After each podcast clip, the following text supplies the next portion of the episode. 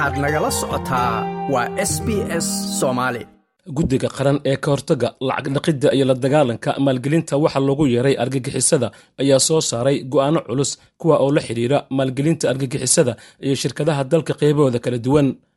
goobta go'aanka looga dhawaaqay ayaa waxaa goobjoog ka ahaa wasiiro ka tirsan xukuumadda federaalk ee soomaaliya sida wasiirka cadaaladda wasiirka wasaaradda warfaafinta xeerlaalyaha guud ee qaranka iyo taliyaha ciidanka biliiska soomaaliya. Guddiga ayaa ugu horrayntii uga digay muwaadiniinta soomaaliyeed inay ka fogaadaan tallaabo kasta oo caawini karta al-shabaab gaar ahaan la xidhiirta dembiyada lacagdhaqidda iyo maalgelinta argagixisada sida warbaahinta u akhriyey wasiirka warfaafinta xukuumadda soomaaliya daa'uud aweys guddigu waxa uu muwaadiniinta soomaaliyeed ku wargelinayaa inay ka fogaadaan tallaabo kastoo caawin karta khawaariijta gaar ahaan dembiyada lacagdhaqidda iyo maalgelinta argagixisada. Lacagdhaqidda iyo maalgelinta argagixisada waa dembiyo waaweyn si waafaqsan qodobada labaad iyo saddexaad ee sharciga ka hortagga lacagdhaqidda iyo maalgelinta argagixisada. Qodobka labaad. Dhammaan shirkadaha dadka ka ganacsada dhulalka iyo dhismayaasha waa inay iska diiwaangeliyaan islamarkaana ogolaansho ka haystaan? Wasaaradaha hay'adaha ku shaqada leh iskuna diiwaangeliyaan muddo saddex usbuuc gudahooda. Oo ka bilaabanta maanta oo taariikhdu tahay afar iyo tobanka bisha februaayo sanadka labada kun saddex iyo labaatanka. Ciddii aan isku diiwaangelin muddadaas waxaa laga qaadayaa ciqaabaha ku xusan qodobada siddeed iyo labaatanaad sagaal labaatanaad ee sharciga ka hortegidda lacag dhaqidda iyo maalgelinta argixisada iyo qodobka saddex boqol laba iyo soddonaad ee xeerka ciqaabta soomaaliyeed. Kuwaasoo kale ah e xabsi ciqaabeed b ganaax lacageed saddex xayiraad safar d kala shati ganacsi iyo e in la daro dhammaan ciqaabaha kor kuxisan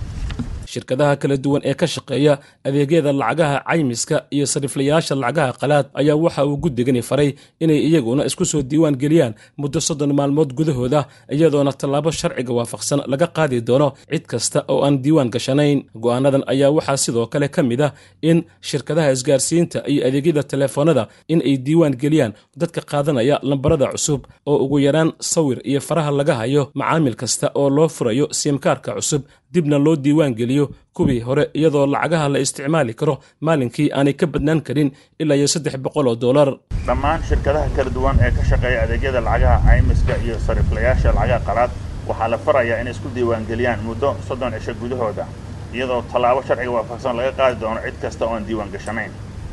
afar guddiga waxa uu farayaa hay'adaha maaliyadeed bangiyada xawaaladaha iyo shirkadaha bixiya adeegyada lacagaha mobaylada inay ku soo gudbiyaan warbixinada ay warsadaan hay'adaha ku shaqada leh sida f r c iyo xafiiska xeeraalyaha guud muddo afar labaatan saacadood gudahooda ciddii ku soo gudbin weysa warbixinada muddadaasi waxaa laga qaadayaa tallaabooyinka ku cad sharciga ka hortagga dhaqdhaqidda iyo maalgelinta argagixisada dhammaan qareennada iyo notaayoyinka shirkadaha iyo dadka ganacsada dhulalka iyo dhismayaasha real state companies real state agents macdanta iyo dhagxyada qaaliga waa inay f r c uga warbixiyaan dhammaan dhaqdhaqaaqyada dhaqdhaqaaqyadooda looga shakiyey inay xiriir la leeyihiin khawaariijta si deg deg ah si waafaqsan qodobada shanaad iyo afraad ee sharciga ka hortagga lacagdhaqidda iyo maalgelinta argagixisada lix bangiyada xawaaladaha iyo shirkadaha adeegyada lacagaha mobaylada aan shati ka haysan bangiga dhexe.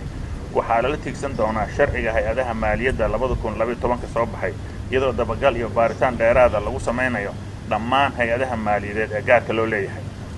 Toddobo dhammaan shirkadaha isgaarsiinta iyo adeegyada lacagaha mobaylada mobile money service providers waxaa la farayaa inay diiwaan geliyaan macaamiishooda cusub. Ugu yaraanna waa in sawir iyo faraha laga hayo macmiil kasta loo furayo simkaar cusub. Kuwa hore u qaata simkaararka waa in dib loo diiwaan geliyo muddo aan ka badnayn sagaashan cisho gudahood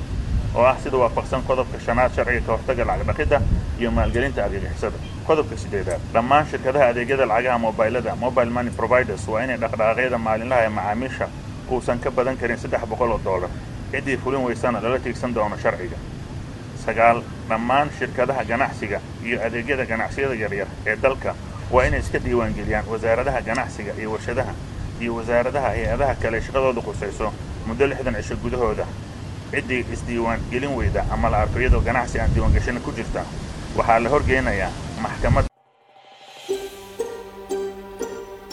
ma doonaysaa sheekooyinkan oo kale ka dhegayso apple podcast google podcast spotify ama meel kasta oo aad bodkastigaaga ka hesho